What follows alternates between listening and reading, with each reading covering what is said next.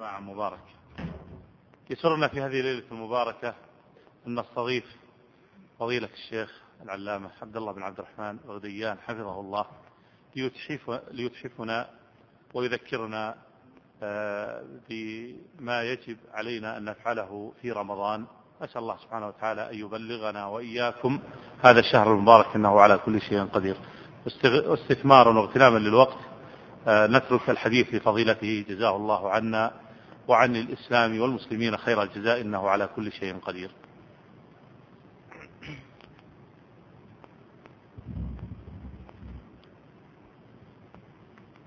السلام عليكم ورحمة الله وبركاته. بسم الله الرحمن الرحيم. الحمد لله رب العالمين والصلاة والسلام على نبينا محمد وعلى آله وأصحابه أجمعين. أما بعد فمن المعلوم أن رمضان أو أن صيام رمضان ركن من أركان الإسلام. فقد جاء في جواب الرسول صلى الله عليه وسلم لجبريل عليه الصلاة والسلام حينما سأله عن الإسلام. فقال الرسول صلى الله عليه وسلم الإسلام أن تشهد أن لا إله إلا الله وأن محمد رسول الله وأن محمد رسول الله وتقيم الصلاة وتؤتي الزكاة وتصوم رمضان وتحج البيت. قال له صدقت. يقوله جبريل للرسول صلى الله عليه وسلم. فبهذا يتبين أن صيام رمضان ركن من أركان الإسلام. ومما يؤسف له أن جميع البلاد الإسلامية باستثناء هذا البلد إذا كان فيها الإنسان فإنه لا يستشعر أنه دخل شهر رمضان. لأن كل شخص متروك على حريته من ناحية الأكل والشرب و... و... وما إلى ذلك. لكن هذه البلاد هي الوحيدة في العالم التي يتميز فيها شهر رمضان. ومن فضل الله وإحسانه على كثير جدا من الإخوان الذين يفدون إلى هذه البلد من توفيق الله لهم أنهم يلتزمون. يلتزمون في جميع شعائر الإسلام. وهذا من فضل الله جل وعلا عليهم لأن الله سبحانه وتعالى يقول في سورة الحجرات يمنون عليك أن أسلموا. قل لا تمنوا علي إسلامكم بل الله يمن عليكم أن هداكم للإيمان. فالهداية من الله جل وعلا, جل وعلا لعبده إلى الإيمان. هذه نعمة لا يعادلها نعمة. وعلى العبد أن يشكرها من ناحية تأدية أوامر الله واجتناب نواهيه.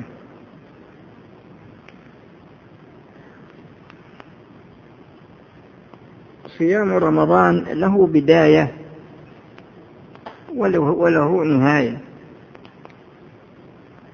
والبداية تثبت بشهادة الشهود أو تثبت بإكمال شعبان ثلاثين يوما ولكنها لا تثبت بالحساب الفلكي لأن الله سبحانه وتعالى يقول يا أيها الذين آمنوا كتب عليكم الصيام كما كتب على الذين من قبلكم لعلكم تتقون أياما معدودات ويقول الرسول صلى الله عليه وسلم صوموا لرؤيته وأفطروا لرؤيته فإن غم عليكم فأكملوا عدة شعبان ثلاثين يوما.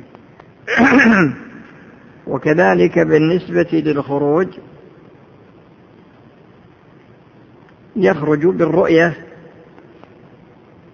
إذا ثبتت رؤيته أو أكمل الناس ثلاثين يوما من الصيام.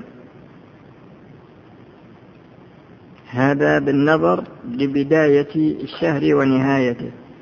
أما بداية صيام اليوم ونهايته فالبداية كما قال الله جل وعلا فكلوا واشربوا حتى يتبين لكم الخيط الأبيض من الخيط الأسود من الفجر. والنهاية يقول الرسول صلى الله عليه وسلم إذا أقبل الليل من هاهنا وأدبر النهار من هاهنا وغربت الشمس فقد أفطر الصائم. وغروب الشمس في كل بلد بحسبه. غروب الشمس في كل بلد بحسبه. فعندنا مثلا هنا نفطر في رمضان لكن في أمريكا يكون عندهم بعد صلاة الظهر. فكل بلد يفطرون على حسب غروب الشمس ويمسكون حسب طلوع الفجر. هذا بالنظر إلى ابتداء صيام اليوم ونهايته. أما بالنظر للإفطار عندما يريد الإنسان أن يفطر فالصائم له دعوة مستجابة عند فطره. له دعوة مستجابة عند فطره. إن أراد أن يدعو في أمر من أمور الدين أو أمر من أمور الدنيا أو أمر من أمور الآخرة مثل ماء زمزم. فالرسول صلى الله عليه وسلم يقول ماء زمزم لما شرب له فإن شربته لشفاء مرض شفاك الله. وإن شربته لحصول علم أو حصول المهم أن الإنسان عند فطره يدعو بما يريد أن يحققه الله له لكن لا يدعو بإثم ولا بقطيعة رحم. ومن الأمور التي يحتاج الصائم إلى أن يتنبه لها هي المحافظة على وظيفة السمع لأن السمع وسيلة إلى إدخال الأصوات إلى القلوب. وقد يدخل الإنسان مع سمعه من الأمور من الكلام ما يكون فيه تأثير على صيامه. وأبسط الأمور التي لا يتنبه لها كثير من الناس كونه يستمع الغيبة ويستمع النميمة في مجلس من المجالس يعني إنسان يتكلم في غيبة شخص أو يتكلم أو, أو نميمة وهذا ينبسط ويسمع هذا. وهذا بخلاف أيضا الأشخاص الذين مثلا يستمعون آه، الأغاني أو ما إلى ذلك. فالإنسان يحافظ على على وظيفة السمع فلا يسمع إلا ما شرعه الله جل وعلا ويتجنب سماع ما حرم الله جل وعلا. وهكذا بالنظر إلى وظيفة البصر فالبصر وسيلة تنظر فيه إلى ما حرم الله وتنظر فيه إلى ما شرع الله وتنظر فيه إلى ما أباحه الله. فأنت تستعمل بصرك فيما شرعه الله جل وعلا وتصرفه عن جميع ما حرم الله لأن هذا يؤثر على الصيام. هذا يؤثر على الصيام من جهة أنه ينقص أجره ينقص أجر الصائم. وخاصة إذا كان هو, هو في جميع السنة لكن في رمضان يشتد الأمر من ناحية أن العقوبة تكون أكثر. وكذلك المحافظة على اللسان لأن اللسان آلة عظيمة أنعم الله بها على الإنسان لكن قد يستعمل هذا اللسان يوظفه وظيفة محرمة وهو لا يدري. تكلم بالليل والنهار ولا يدري. ما يدري عن هذا الأداء الذي أداه بلسانه أنه من الأمور المحرمة. وبخاصة كما ذكرت قبل قليل وبخاصة إذا كان في رمضان. فعندك مثلا كثير عندك مثلا الغيبة والنميمة وعندك مثلا الكذب الأيمان الكاذبة وعندك مثلا شهادة الزور وعندك مثلا المدح يعني كونك تمدح إنسان بما ليس فيه. ولهذا يقول صلى الله عليه وسلم إذا رأيتم المداحين فاحثوا في وجوههم التراب. يعني فيه نوعية من الناس لسانه لسانه معود ومذلل للمدح. لكن يمدح الإنسان بما ليس فيه من أجل أن يتقرب إليه وبخاصة إذا كان مسؤولا. لأنه يعطيه من المدح ثم يطلب حاجته بعد شهر بعد شهرين بعد سنة. ولا عامل القربة متقرب إليه بالمدح الكاذب. وكذلك السخرية. تسخر من الإنسان في بصره لأنه أعمى.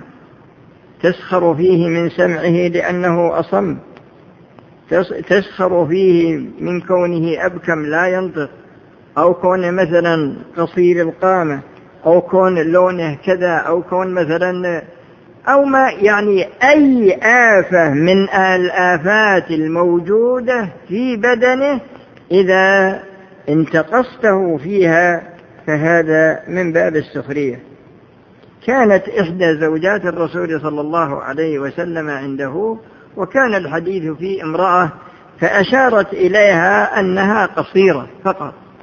قال لها لقد قلت كلمة لو مزجت بماء البحر لمزجته. أنا غرضي أن الإنسان عندما يريد أن يحرك لسانه يفكر تحريك اللسان هذا هل هو يعني فكر قبل أن تحركه؟ هل هذه الحركة طاعة؟ هل هذه الحركة طاعة؟ ولا هذه الحركة معصية؟ أو أنك من النوع الذي لا يفكر في طاعة ولا في معصية وإنما يريد أن يفرغ ما في فكره عن طريق لسانه.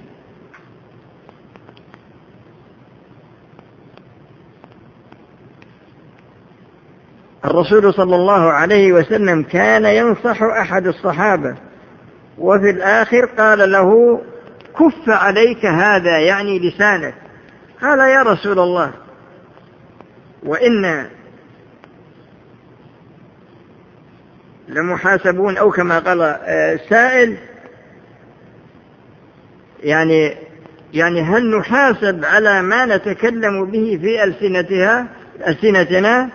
قال ثكلتك أمك يا معاذ وهل يكب الناس في النار على على وجوههم؟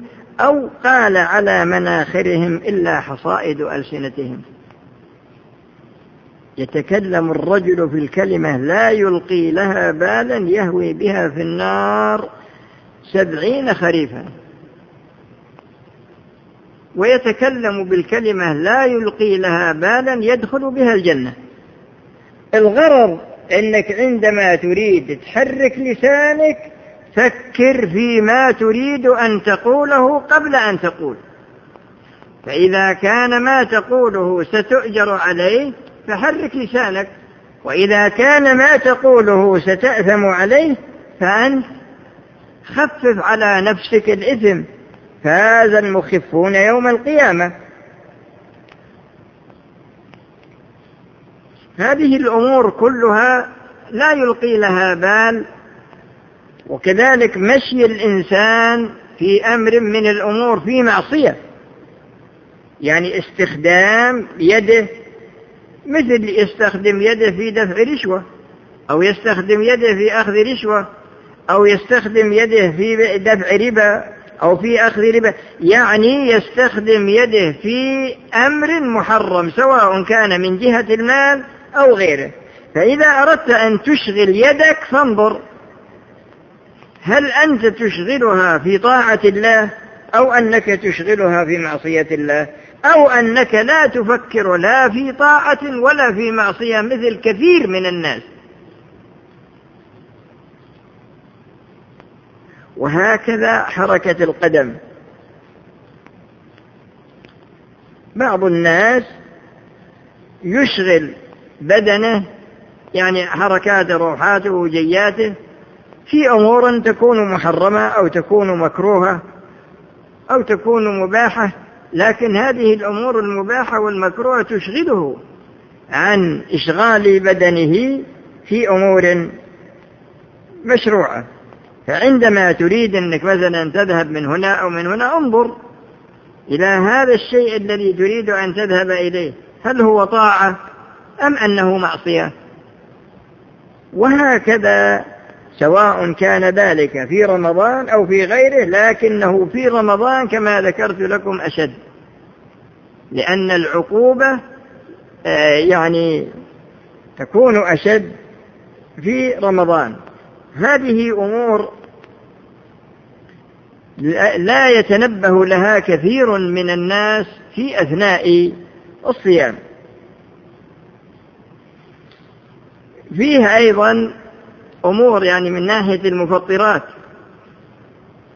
من ناحية المفطرات من الأكل ومن الشرب ومن الجماع وهكذا يعني إذا كان الإنسان صحيحا سليما.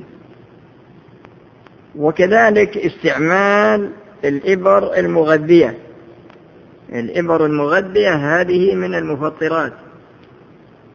وكذلك سحب الدم. وكذلك حقن الدم في أثناء الصيام. عندما يحتاج الإنسان إلى كمية من الدم وتحقن في جسده في جسمه فإنها تكون مفطرة. وهكذا سحب الدم يكون أيضا مفطر. أما بالنظر للإبر التي تستعمل للعلاج فهذه أنا أنصح الإنسان يستعملها في الليل خروجا من خلاف العلماء. وكذلك القيء. القيء عندما يتقيأ الإنسان يكون هو السبب. يكون هو السبب في القيء فإنه يفطر. أما إذا تقيأ بدون اختيار فإنه لا يفطر. وهكذا بالنظر إلى الاحتلام.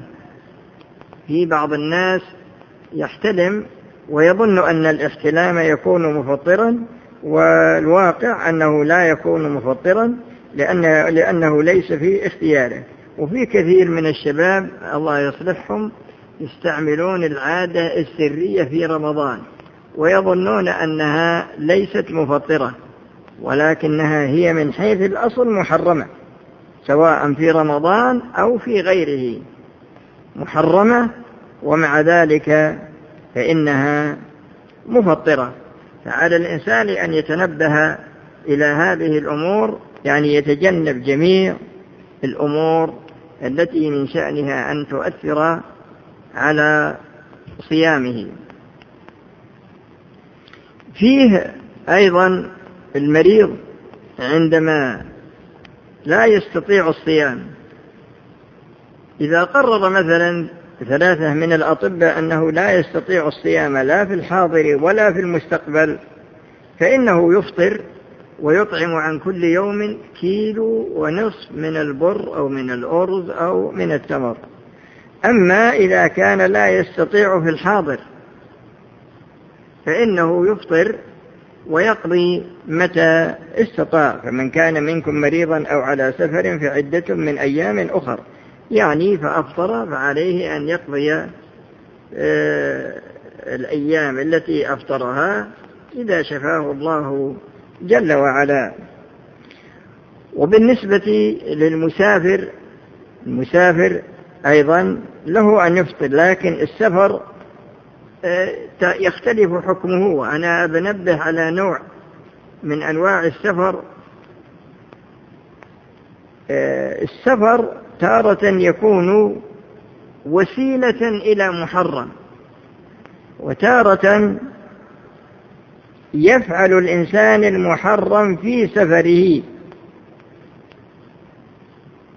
فعندما على سبيل المثال عندما مثلا مثل هالأشخاص اللي يشتغلون في التفجيرات اللي يشتغلون في التفجيرات اللي يسافرون من بلد إلى بلد هؤلاء لا يجوز لهم أن يفطروا في السفر. لأن هذا يكون من التعاون على الإثم والعدوان يكون تسهيلا لهم. فلا يجوز لهم أن يفطروا. أما الإنسان الذي يسافر مثلا يسافر ولكن حصل معصية في سفره مثل شرب الخمر هذا لا مانع من أن يترخص برخص السفر مثل الفطر ومثل القصر الصلاة ومثل الجمع وما إلى ذلك. أنا غرضي هو التنبيه على الفرق بين العاصي بسفره والعاصي في سفره. العاصي بسفره لا يجوز له أن يترخص برخص السفر والعاصي في سفره هذا لا مانع من أن يترخص برخص السفر. وكذلك الإنسان إذا كان سواء امرأة ولا رجل إذا كان كبير السن وعاجز عن الصيام لا يستطيع أن يصوم لا في الحاضر ولا في المستقبل فإنه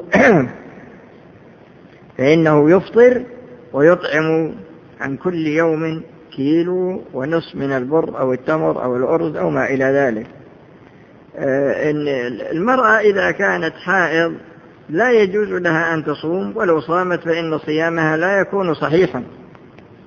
فتفطر يعني يجب عليها الإفطار وعندما ينتهي رمضان تقضي الأيام التي أفطرتها وهكذا بالنظر للنفساء. النفساء أيضا لو صامت فإن صيامها لا يكون صحيحا. فإذا طهرت من نفاسها فإنها آه، تقضي. وهذا بخلاف الصلاة فإن فإن الحائض والنفساء لا تقضيان الصلاة لكن تقضيان الصيام. وكذلك بالنسبة للمرأة إذا كانت حامل أو كانت مرضع فإذا كانت تخشى على نفسها فقط أفطرت فقط.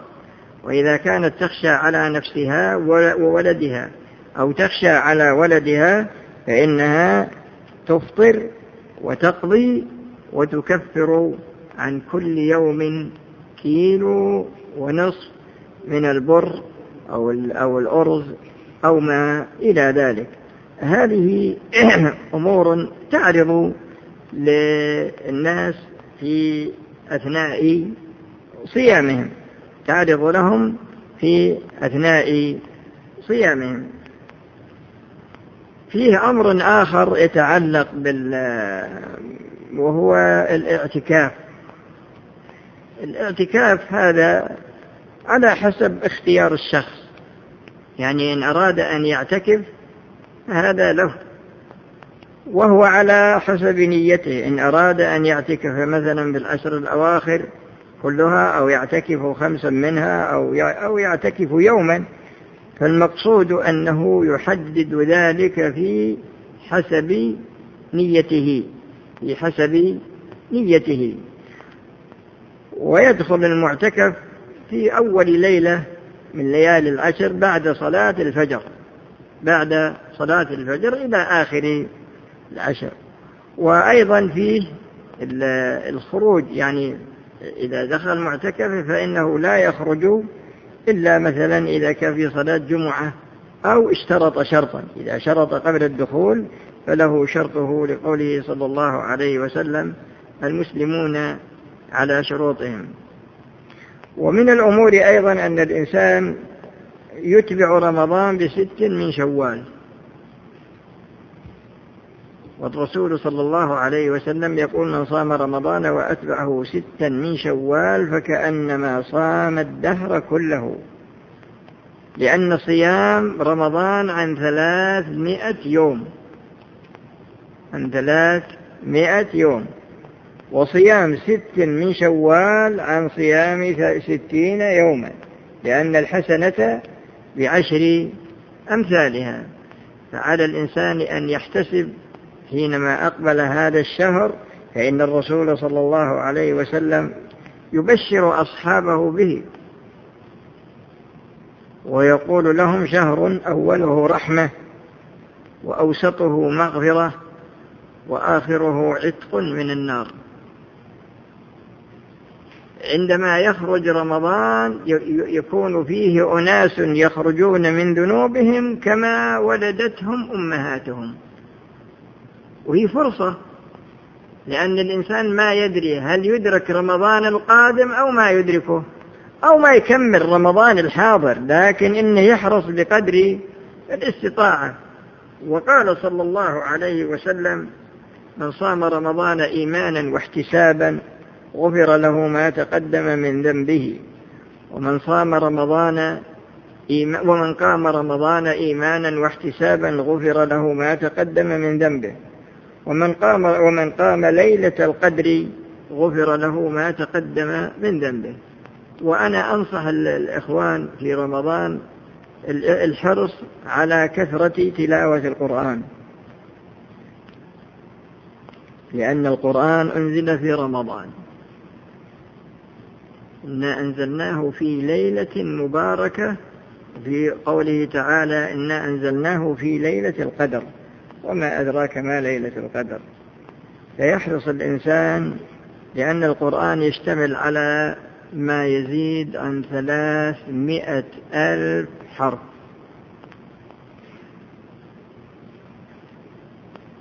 والصحابة والتابعون وأتباع التابعين كانت لهم عناية في القرآن في رمضان أكثر من غيره فقد نقل عن الشافعي رحمه الله أنه كان يختم القرآن في رمضان في الليل مرة وفي النهار مرة. في الليل مرة وفي النهار مرة. وحنا الله يرحم حالنا الآن تمضي السنة كاملة ما ختمنا فيها القرآن. وهذا ما في شك إنه صدود عن الخير لأن القرآن كلام الله. ويقول بعض السلف إذا أردت أن يكلمك الله فاقرأ القرآن. إذا أردت أن يكلمك الله فاقرأ القرآن. وهو على حسب ما يعتاد الإنسان.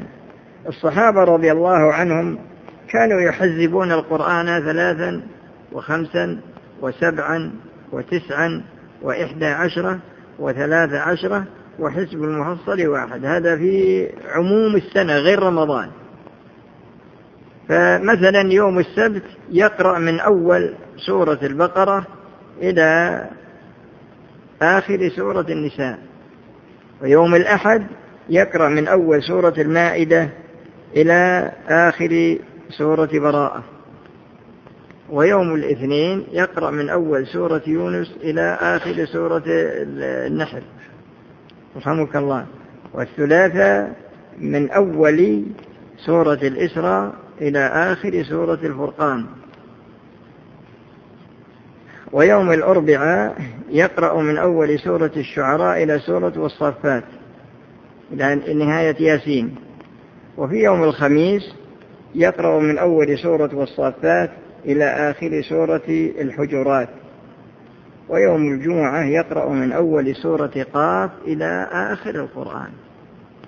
فإذا رتب للإنسان أقل أقل شيء. إذا رتب الإنسان لنفسه هذا الترتيب طول السنة بمعنى أنه يختمه ويصير عنده كتاب يختمه كل أسبوع ويصير عنده كتاب تفسير. بحيث أن إذا أشكل عليه معنى آية ينظر إلى معناها في هذا الكتاب. أما في رمضان فيحرص الصحابة يعني في أناس كان لهم عناية في القرآن حتى في غير رمضان. أذكر لكم بعض الأمثلة شوي. لكن إن في رمضان كما ذكرت لكم يعني يعتني به الإنسان عناية خاصة لأن الأجر مضاعف من جهة وبعد ذلك فرصة للإنسان أنه يتقرب إلى الله جل وعلا ب يعني بكلام بقراءة كلام أبو حنيفة. بكت ابنته لما رأته مريضا مرض الموت. فقال لها يا بنيه ما يبكيك على أبيك وقد ختم القرآن في هذا المكان ثماني عشرة ألف ختمة يعني يختمه كل ليلة في صلاة الليل. لما حسبتها وجدت خمسين سنة يعني خمسين سنة كان يختم القرآن كل ليلة في صلاة الليل.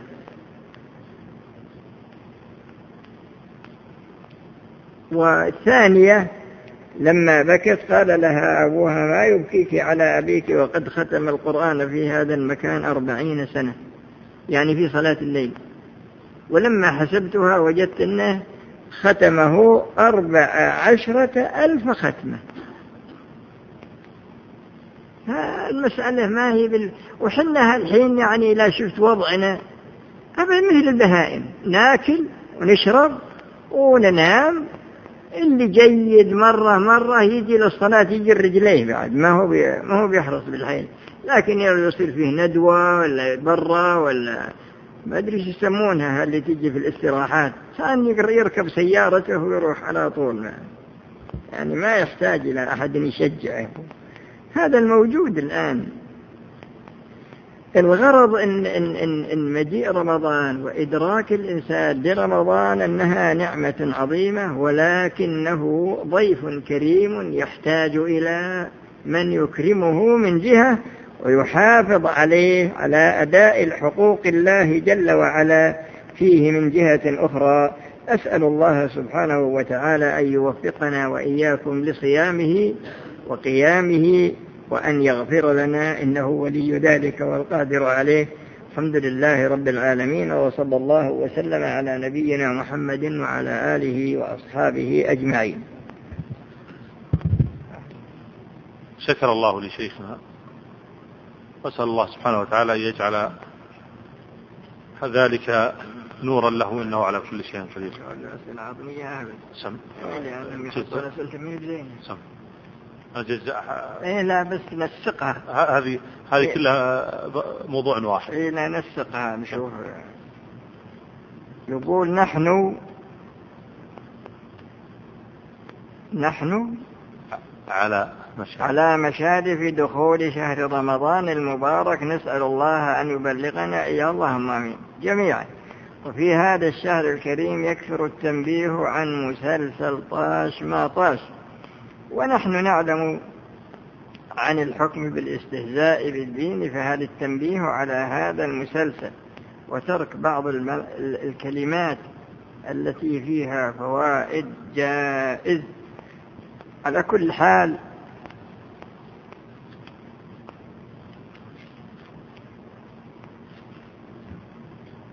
الشخص عندما يتكلم في أمر من الأمور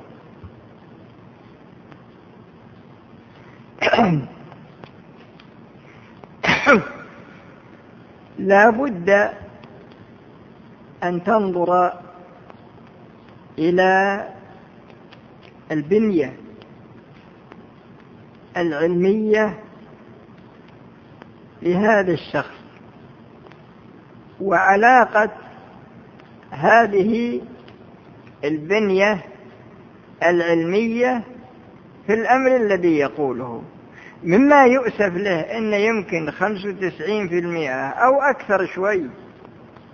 بس ما يبلغون 100% كلهم يتكلمون في الدين والواحد منهم ما يعرف كيف يصلي. سواء في وسائل الإعلام المقروءة والمكتوبة والمرئية. كلها هكذا. يجيك يتكلم في الدين ويسب أهل ويسب ناس من أهل الدين. لكن إذا منك ناظرته تجده مهندس. ولا طبيب أنا أتكلم لكم عن أمور تمر علينا. ولا طبيب ويتكلم في الدين في أمور الدين في التحليل والتحريم أو يكون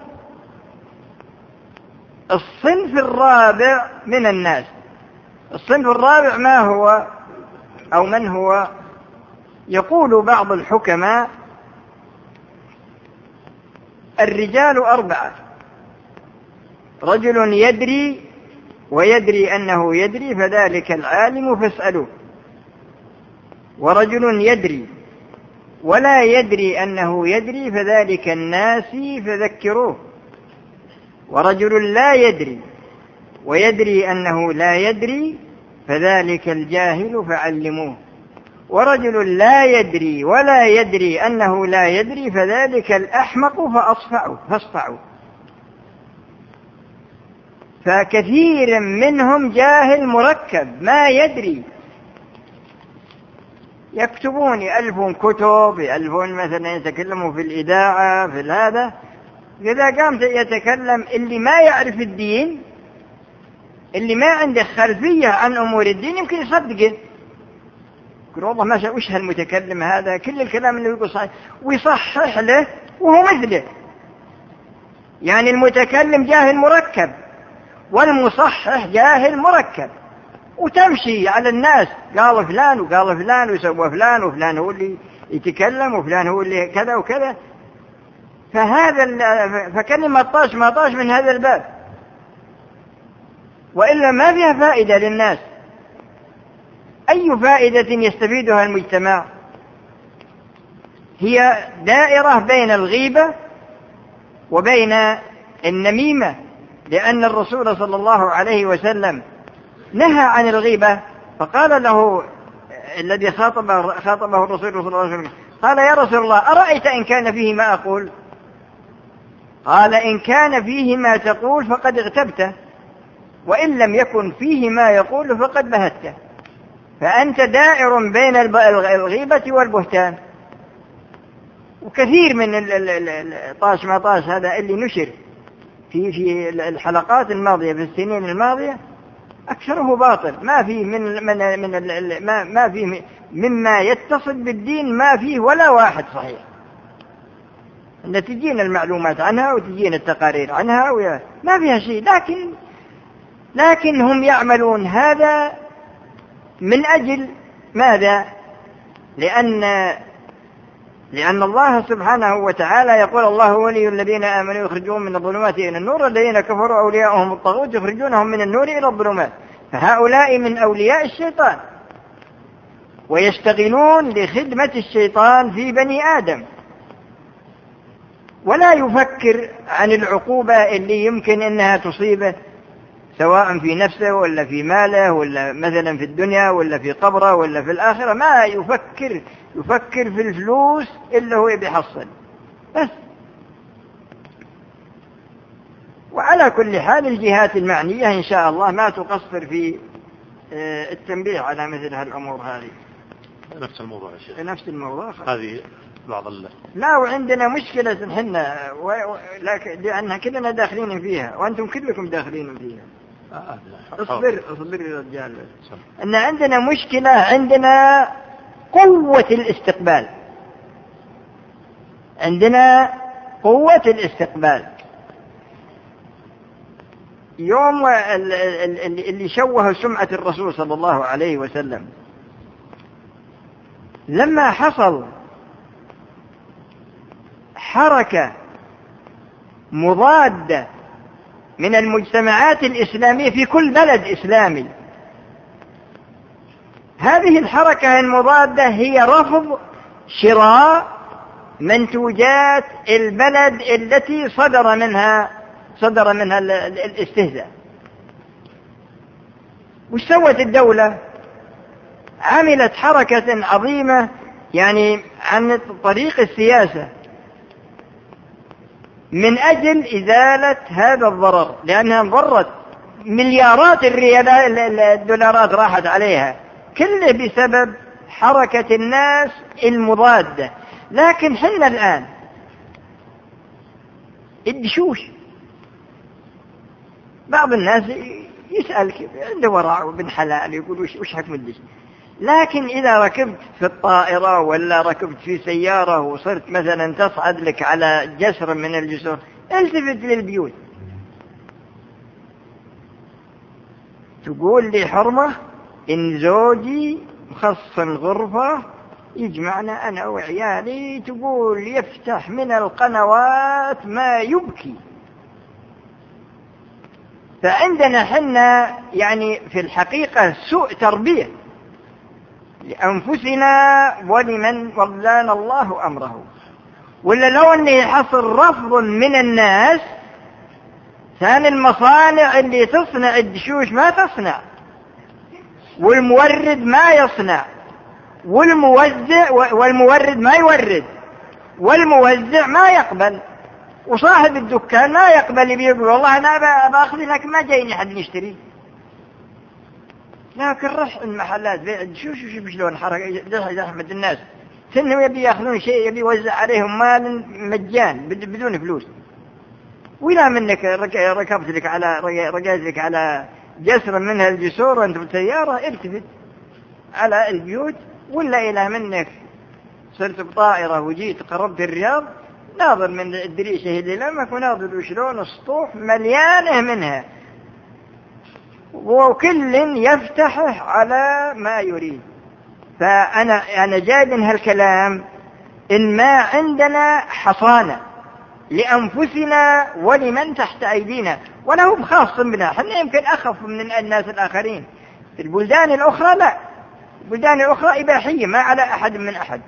لكن إحنا لا يزال عندنا مسألة الأمر بالمعروف والنهي عن المنكر سواء في الأسرة ولا في المجتمع ولا على مستوى الدولة.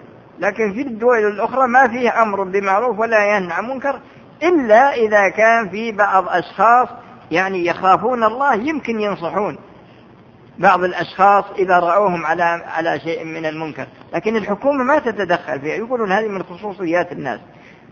أبدا. في دولة كانت تقول إذا أجبرت المرأة يعني متزوجة تعتبر خائنة لزوجها. طلع قانون هالسنة طلعوا قانون هالسنة قالوا إذا كانت راضية فليس هذا انتهاك لحرمة زوجها. وصدروا قانون وصارت المسألة الآن يعني إباحية للزنا عن طريق الدولة.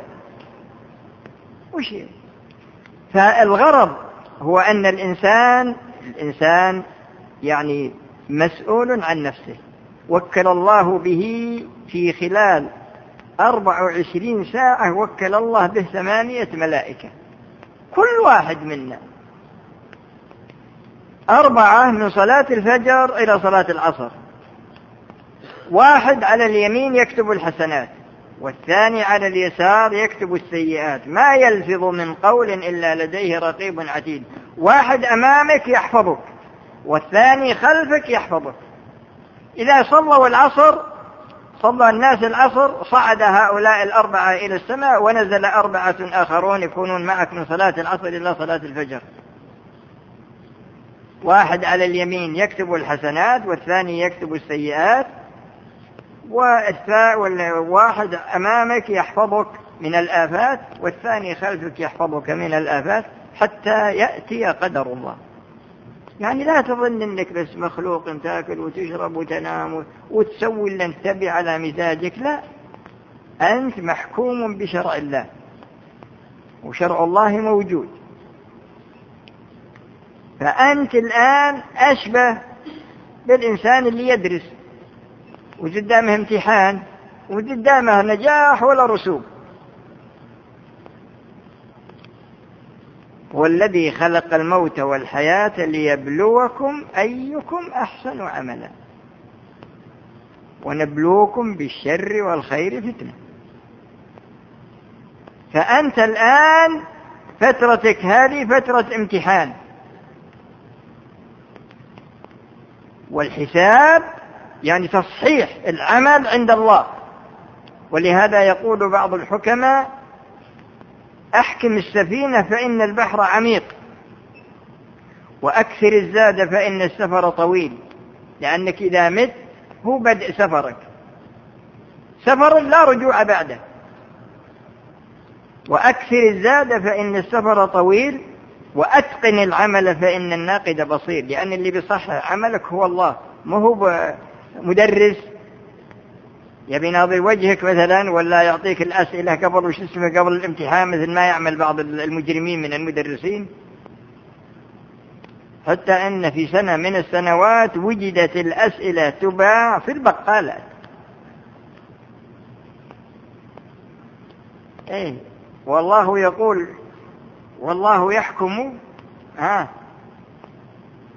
مش بعدها؟ والله يحكم لا معقب لحكمه. ما عنده هيئة تمييز ولا عنده مجلس قضاء أعلى. ما عنده أحد. هو إذا حكم ما فيه أحد ينظر بحكمه. فأنت انتبه لنفسك لأنك أبدا كل يوم تطوى صحائفه. تطوى صحائف من الفجر إلى العصر ومن العصر إلى الفجر. وإذا جاء يوم القيامة يقال لك اقرأ كتابك. كفى بنفسك اليوم عليك حسيبا. يوم ينظر المرء ما قدمت يداه ويقول الكافر يا ليتني كنت ترابا يومئذ يود الذين كفروا وعصوا الرسول لو تسوى بهم الأرض. ولا يكتمون الله حديثا لأن ما في أحد تزول قدماه يوم القيامة حتى يسأل عن سؤالين أول ويسأل عن أربعة أسئلة. السؤالان الأولان لما فعلت وكيف فعلت؟ لما فعلت وكيف فعلت؟ لما فعلت؟ يعني هل فعلت هذا العمل لله؟ ولا فعلته لغرض من الأغراض أو ما إلى ذلك؟ وكيف فعلت؟ هل الفعل الذي فعلته هو الذي أمرت به؟ وهل الأمر الذي تركته هو الأمر هو الذي نهيت عنه؟ أما الأسئلة الأربعة فيسأل عن ماله من أين جمع وفيما أنفقه. وعن شبابه فيما أبلاه. يعني شبابه فيما أبلاه. وعن عمره فيما أفناه. وعن علمه فيما عمل به. هذه أربعة.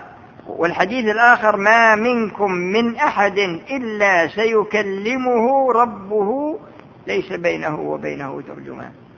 والواحد منا هذا لو يستدعيه مسؤول أكبر منه ثاني يروح ينظف روحه وينظف روحه ويلبس لباس زين ويتطيب وهذا لأني والله أنا بروح لفلان. لكن أنت الآن كل يوم تخطو خطوة إلى الله. وش تبي؟ وش أعدت لمقابلتك لله لأن قطعا أنك ستقف بين يديه وأنه سيسألك. فيه واحد طيب القلب. نزل مطر على أرض. وقال هم يعني نيته حسنة ما عنده ألقى الكلام كذا عشوائي. قال لو إن هالمطر نازل في المكان الفلاني كان أهل تلك البلد أحوج من ذولا فأرسل الله له ملك. أتاه في النوم فقال له أنت أعلم مني بمصالح عبادي. المسألة ما هي مسألة يعني الواحد بس هكذا هذا. هذا جت من الإنترنت من فرنسا وما اي يقول من زوجتي حامل في الشهر الخامس فهل يجوز لها أن تفطر بعض الأيام من رمضان وما هو ضابط الترخيص؟ أنا ذكرت هذا. إذا كانت تتضرر بالصيام ما في مانع من أن تفطر. وهذا يقول أن أصلي التراويح خلف الإمام المبتدع لا يا أخي شوف لك إمام سنة لأنك تشجعه على بدعته. هل لنا أن نقيم صلاة التراويح في مكان لا يصلى فيه إلا التراويح فقد صلوا في المساجد لماذا بنيت المساجد؟ لأن هذا الكلام يمكن تصلون في الشارع ولا تصلون في آه، في محل هذا لا صلوا في المساجد. لماذا بنيت المساجد؟ هذا خارج السعودية شيخ. اي كل واحد. قد لا يكون عندهم مساجد ربما. إيش يدريك أنت؟ لا قد لا يكون. قد لا لا لا يا رجال المساجد من فضل الله أنها منتشرة في العالم كله. أبد. الرسول صل... اسمع يا أخي الرسول صلى الله عليه وسلم يقول جعلت لي الأرض مسجدا وطهورا. فأيما رجل أدركته الصلاة فليصلي. وال... والمساجد بنيت اقتداء بسنة الرسول صلى الله عليه وسلم. فإذا كان بلد ما فيه يجتمعون في مكان ويصلون الأمر في هذا ما فيه. ولا يطلعون يا شيخ؟ مثلا أصبر يا رجال خلينا نقرأ هذا. وش؟ يصلون في الاستراحات مثلا ولا في البر ولا؟ على كل حال يصلون في مكان لا يعصى الله فيه. لأنهم وهذا يقول هذا مثل واحد هذا يقبل مرأته في رمضان. لا يا شيخ لأنك ما تقدر تمنع نفسك.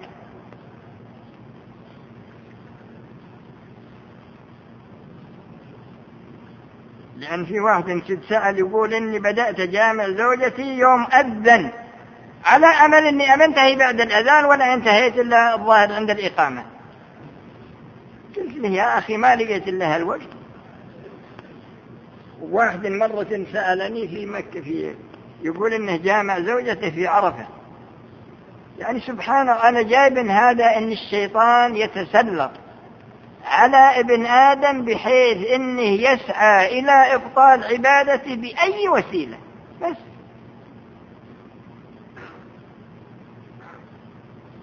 وهذا يقول هل ترون الإسراع في القراءة في رمضان ليتمكن من الختم أكثر من مرة؟ على كل حال يقرأ القرآن قراءة لا ما يكون فيها خلل من ناحية من ناحية اللفظ. ما يكون فيها خلل. هل لو اعتكف في مسجد من مساجد مكة داخل في منطقة الحرم كمن اعتكف في المسجد الحرام؟ نعم لأن جميع ما كان داخل حدود الحرم فله حكم الحرم من ناحية الأفضلية وهذا يقول إبر السكر لا تضربها إلا بعد الغروب. بعض الناس يتعشى الساعة الواحدة والثانية ليلا أو الثانية ليلا ثم ينام ويصحو مع الأذان أو قبله ليشرب. على كل حال إذا منه شرب قبل طلوع الفجر ما عليه شيء. أما إذا شرب بعد طلوع الفجر فعليه القضاء. وهذا يقول هل يؤثر فحص السكر المنزلي قطرة واحدة على الصوم؟ إذا كان إنه بيدخل في بدنه شيء ما ما يجوز هذا يفطر. من جرح جرحا بالغا وخرج الدم إذا إذا منه ما كان فعله ما عليه شيء. وإبرة التحليل هذه خليها في الليل. وحكم سنة العشاء وهل هي في من قيام الليل؟ سنة العشاء راتبة ما لها علاقة في صلاة الليل. لكن الإنسان يصلي على حسب قدرته. في رمضان يصلي مع المسلمين وفي غير رمضان بإمكانه أن يصلي بين المغرب والعشاء أو يصلي بعد العشاء أو يصلي آخر الليل وهو أفضل إذا أمكن. عندما نسمع الأذان الفجر وباقي بعض بعض الماء أو الأكل لا تأكل. أنت انظر انظر إلى التقويم متى يطلع الفجر لأن الله يهديهم بعض المؤذنين يؤذنون بعد طلوع الفجر بخمس دقائق. وكذلك في الغروب بعضهم الله يهديه يستعجل خاصة إذا كان فيها غيم ما يكون عنده التقويم. وهذا يقول أنا أوتر مع الإمام وأوتر لوحدي قبل الفجر. لا إذا صليت مع الإمام وأوتر وسلم فقم وأتي بركعة. تشفع ركعة الوتر وفي آخر الليل صل ما شئت ثم بعد ذلك تصلي ثم بعد ذلك توتر. من قرأ القرآن فإن القرآن يأتي له شفيعا يوم القيامة. ما المقصود بقراءة القرآن حفظه؟ سواء حفظه أو قرأه من المصحف. ما حكم التطيب في نهار رمضان؟ هناك لا تتطيب يعني لا, لا تستنشق الطيب في أنفك. وهناك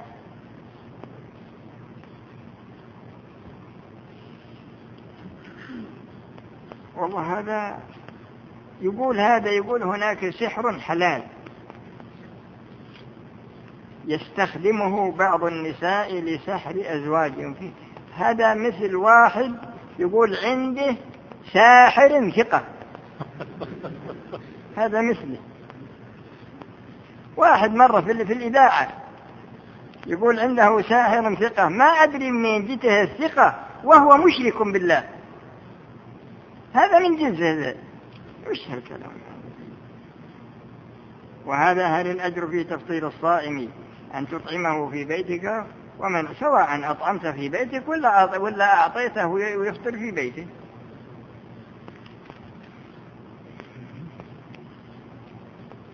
سائل من الإنترنت يقول كيف نستقبل رمضان؟ الإنسان يست... أول ما يستقبل رمضان يستقبله بالتوبة من جميع الذنوب التي آه، عملها ويحرص على أداء الحقوق. التي للناس يؤدي الحقوق التي للناس ويستعد على أساس أنه سيقوم بصيامه وقيامه ويكون صياما حقيقي كما ذكرت لكم يعني يتجنب المعاصي يتجنب المعاصي. هل من لا يدع الكذب وقول الزور يبطل صيامه؟ ما يبطل لكن إنه ينقص الأجر. وهل الإمساك قبل الفجر؟ لا. الله تعالى يقول فكلوا واشربوا حتى يتبين لكم الخيط الأبيض من الخيط الأسود. جاء رجل يسأل الإمام الظاهر يسأل عالم من العلماء قال أريد أن أحرم من بيتي في المدينة. قال أحرم مما أحرم به الرسول صلى الله عليه وسلم. قال أليس هذا أكثر عمل؟ قال إذا أنت أحسن من الرسول صلى الله عليه وسلم. فالإنسان يتحرى السنة. يتحراها لا يتقدم عليها ولا يتأخر عنها.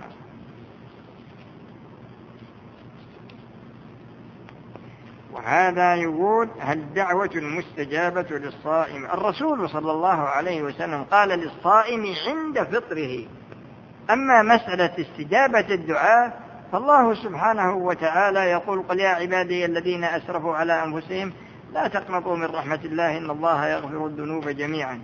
وفي أوقات للاستجابة مثل بين الأذان والإقامة مثل إذا دخل الخطيب دخل الخطيب مثلا يوم الجمعة حتى تقضى الصلاة مثل آخر ساعة بعد صلاة العصر من يوم الجمعة إلى آخر في أوقات كبيرة. ما هو الأفضل قراءة القرآن؟ لا قراءة القرآن في رمضان والحفظ يكون بعد رمضان. كثرت علي الأقوال في حكم الصلاة من ناحية القصر والجمع. أنا مقيم في الرياض لمدة شهر. إذا كنت مقيم في مدة الرياض مدة شهر ما يجوز لك القصر ولا الجمع وإذا كنت آه، قصرت وجمعت فعليك أن تعيد جميع الصلوات. التي قدمتها لأنك تجمع إذا كنت مثلا جمعت جمع آه، تقديم جمعت العصر مع الظهر في وقت الظهر تعيد العصر. وهكذا المغرب والعشاء إذا صليت المغرب والعشاء في وقت العشاء. إيه هذا يقول من المعروف يا شيخنا أن الإيمان يزيد وينقص. ثم الأمور التي يستطيع بها الشخص زيادة إيمانه؟ ال ال ال الإنسان يزيد إيمانه في امتثال الأوامر. واجتناب النواهي لأنك كلما امتثلت مأمورا به زاد الإيمان وكلما تركت معصية زاد إيمانك وهكذا ينقص الإيمان إذا تركت واجبا أو فعلت معصية. وهذا يقول تطاول البابا أمس على نبينا وعلى الدين الإسلامي فما موقفنا تجاهه؟ والله حصلت ردود كثيرة اليوم هذا في من من عالم من, من علماء في العالم كله. يعني حصلت ردود عليه كثيرة جدا. وهذا ما هو بغريب منهم. ما هو بغريب. الله يقول ودوا لو تدهنوا فيدهنون. ود الذين كفروا لو تغفلون عن أسلحتكم وأمتعتكم فيميلون عليكم ميلة واحدة. ما يود الذين كفروا من أهل الكتاب ولا المشركين أن ينزل عليكم من خير من ربكم. وش بقي؟ ما بقي شيء. مثل يعني, يعني كل شخص خلوها عندكم قاعدة. كل شخص عدو لله بصرف النظر كونه يهودي ولا نصراني ولا مجوسي ولا أي واحد. كل شخص ما هو مستقيم على دين الله لا ترجو منه نفع ولا تأمنه ولا على مثقال خردله وهذا يقول هل يجوز المسلم أن يصوم عاشوراء أو عرفة ولو عليه قضاء أيام من رمضان نعم له ذلك. إلا إذا كانت من رمضان آخر يعني مثاله مثلا عندنا مثلا رمضان الماضي في أيام. ما صامها الإنسان الآن وأدركه رمضان ومضى رمضان هذا وجاء يوم عاشوراء ويبي يصومه ولا يبي يصوم عرفة لما يجوز له. لماذا؟ لأن ذمته مشغولة في في صيام يجب عليه أن يفعله.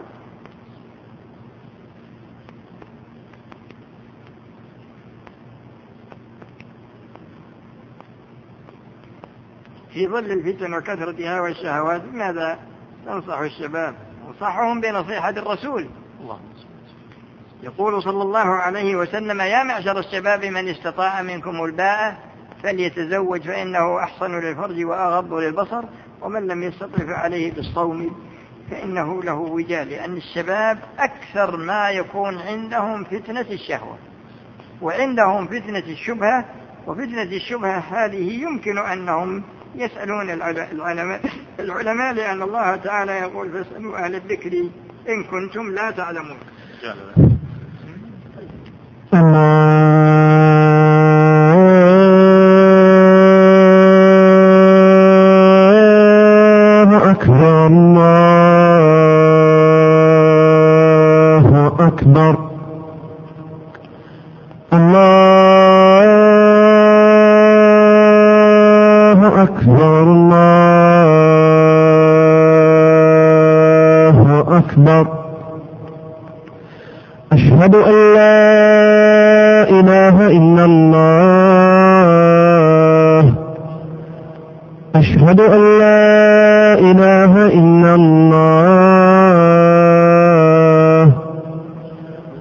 أشهد أن محمدا رسول الله.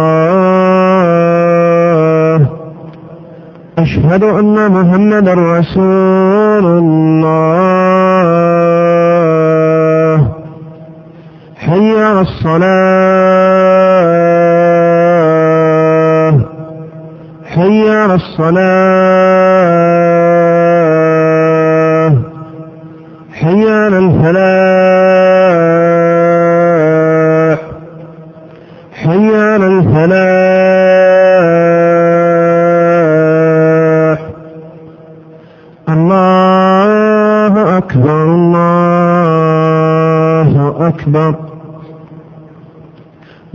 إله إلا الله.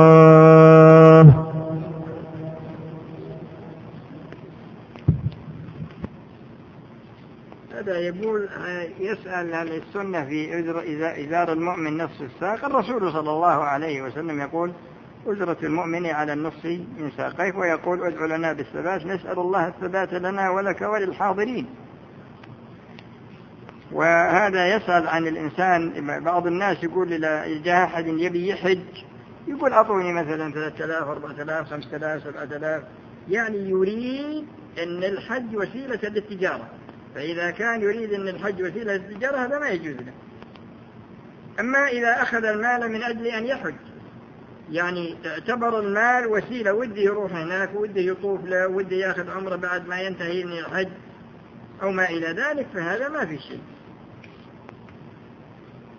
وهذا يقول لدينا في مكة أهل بيت يأتي إليهم المريض أي مرض سواء حساسية أو عين فينفثون عليه دون قراءة فيشفى أو يذهب ما به من مرض مش يدريك عنهم أنت إنما الإنسان قد يقرأ ولا تشعر بأنه يقرأ. إيش هالكلام هذا؟ نريد توضيح هذا يقول خيركم من تعلم القرآن وعلمه.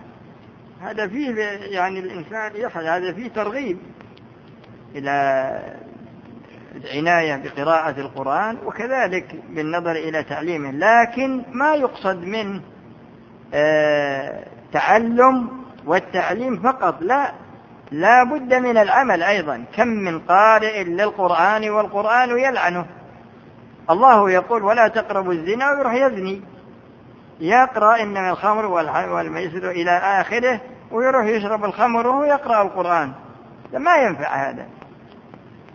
من لم تنهه صلاته عن الفحشاء والمنكر لم تزده من الله إلا بعدا. يكون هذا متلاعب. قلت لأخي الناس ما يحبونك لأن الله ما يحبك وأنا أريد أن أنبهه وش يدريك عن الله وش يدريك عن قلوب الناس؟ وش, وش وأنت وش تصير؟ يعني أنت يعني بدرجة ملك ولا بدرجة نبي ولا وش أنت بدرجة على تقول هالكلام؟ أخشى أنك مثل الذي قال والله لا يغفر الله لفلان فقال اللهم إن ذا الذي يتألى علي إني قد غفرت له وأحبطت عمله بعض الناس يغتر بنفسه هل في قول النبي صلى الله عليه وسلم رب كلمة لا يلقي لها بال يدخل بها الجنة تحفيز. على كل حال هذا هذا فيه فيه تحفيز على الخير لكن فيه أيضا تنبيه إلى أن الإنسان يعرف وظيفة لسانه قبل. لي تقريبا تسع سنوات لم أصم رمضان وكنت مفرطا. في هذا إذا كنت لا تصلي أو تصلي وتترك فليس, فليس عليك قضاء الصيام. وإذا لأنك كافر. يعني مرتد عن الإسلام من ترك الصلاة العهد الذي بيننا وبينهم الصلاة فمن تركها فقد كفر بين الرجل وبين الشرك أو الكفر ترك الصلاة. أما إذا كنت تصلي فلا بد أن تقضي آه، الرمضانات التي تركتها وتكفر عن كل يوم كيلو ونصف. وإذا كان حاصلا جماع ولا هذا فكل جماع في يوم مثلا فيه كفارة عتق رقبة فإن لم تستطع فإن لم تستطع فإنك تصوم شهرين متتابعين فإن لم تستطع فإنك تطعم ستين مسكينا. وقد سألني شخص يقول جامعت زوجتي في رمضان ثمان وعشرين مرة كل يوم مرة واحدة. قلت ما بقي عليك إلا إنسان بعد الشهر ناقص ما بقي عليك إلا يوم. فبعض الناس سبحان الله يتساهل فيها الناحية مرة هو مسكين بن آدم.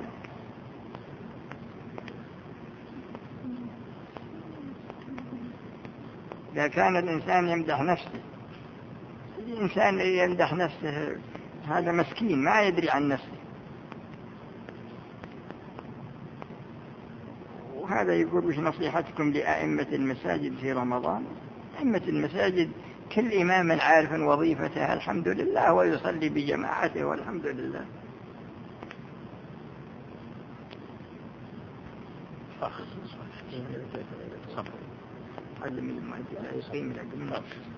ما الأفضل في رمضان؟ الإسراء هذا أجبت عنه.